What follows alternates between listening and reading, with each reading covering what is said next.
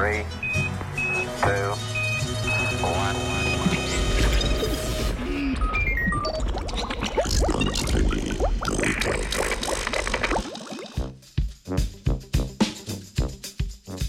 Valovi v zgornji atmosferi kot posledica sončnega mrka.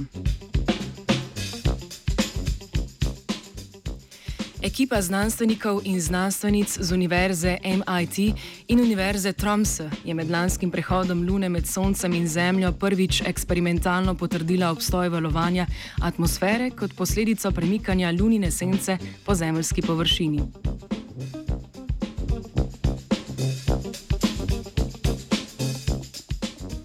V času sončevega mrka zaradi lunine sence pride do delcev v atmosferi znatno manj sončne energije, oziroma delci v popolni senci te energije sploh ne dobijo. Tako se atmosfera prične ohlajati, motnja v atmosferi pa potuje s približno hitrostjo lunine sence, skoraj nadzvočno. S tem sled teme povzroča valovanje, podobno tistemu, ki ga povzroča ladja ob plutju čez morje.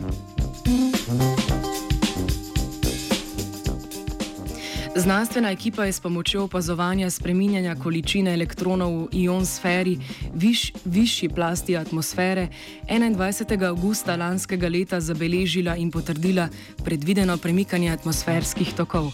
Pomagali so si z modeli, baziranimi na globalnih navigacijskih satelitskih sistemih in opaženih več kot 2000 merilnih sistemov po Zemlji. Modelske analize so razkrile, da so vrhovi valov nastali v srednji atmosferi na višinah 10 do 60 km, Prodir prodirali pa so vse tja do ionosfere na višini od 200 do 500 km.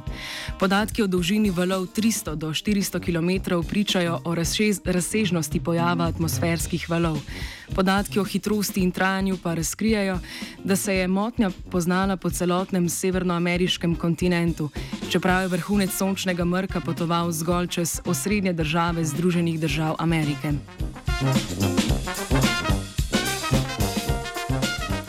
Med drugim so bile opažene tudi večje perturbacije v ionosferi, ki pa so bile navzoče in s tem prehitre, da bi jih lahko analizirali. Študija je razkrila kompleksne interakcije procesov zgornje atmosfere in tako nadgradila modelske napovedi dogajanja na robu vesolja.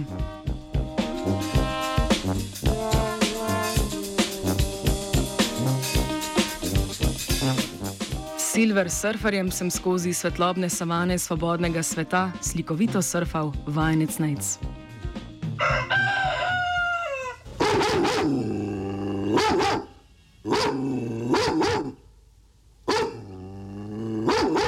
Jo, jo, jo, radio študent.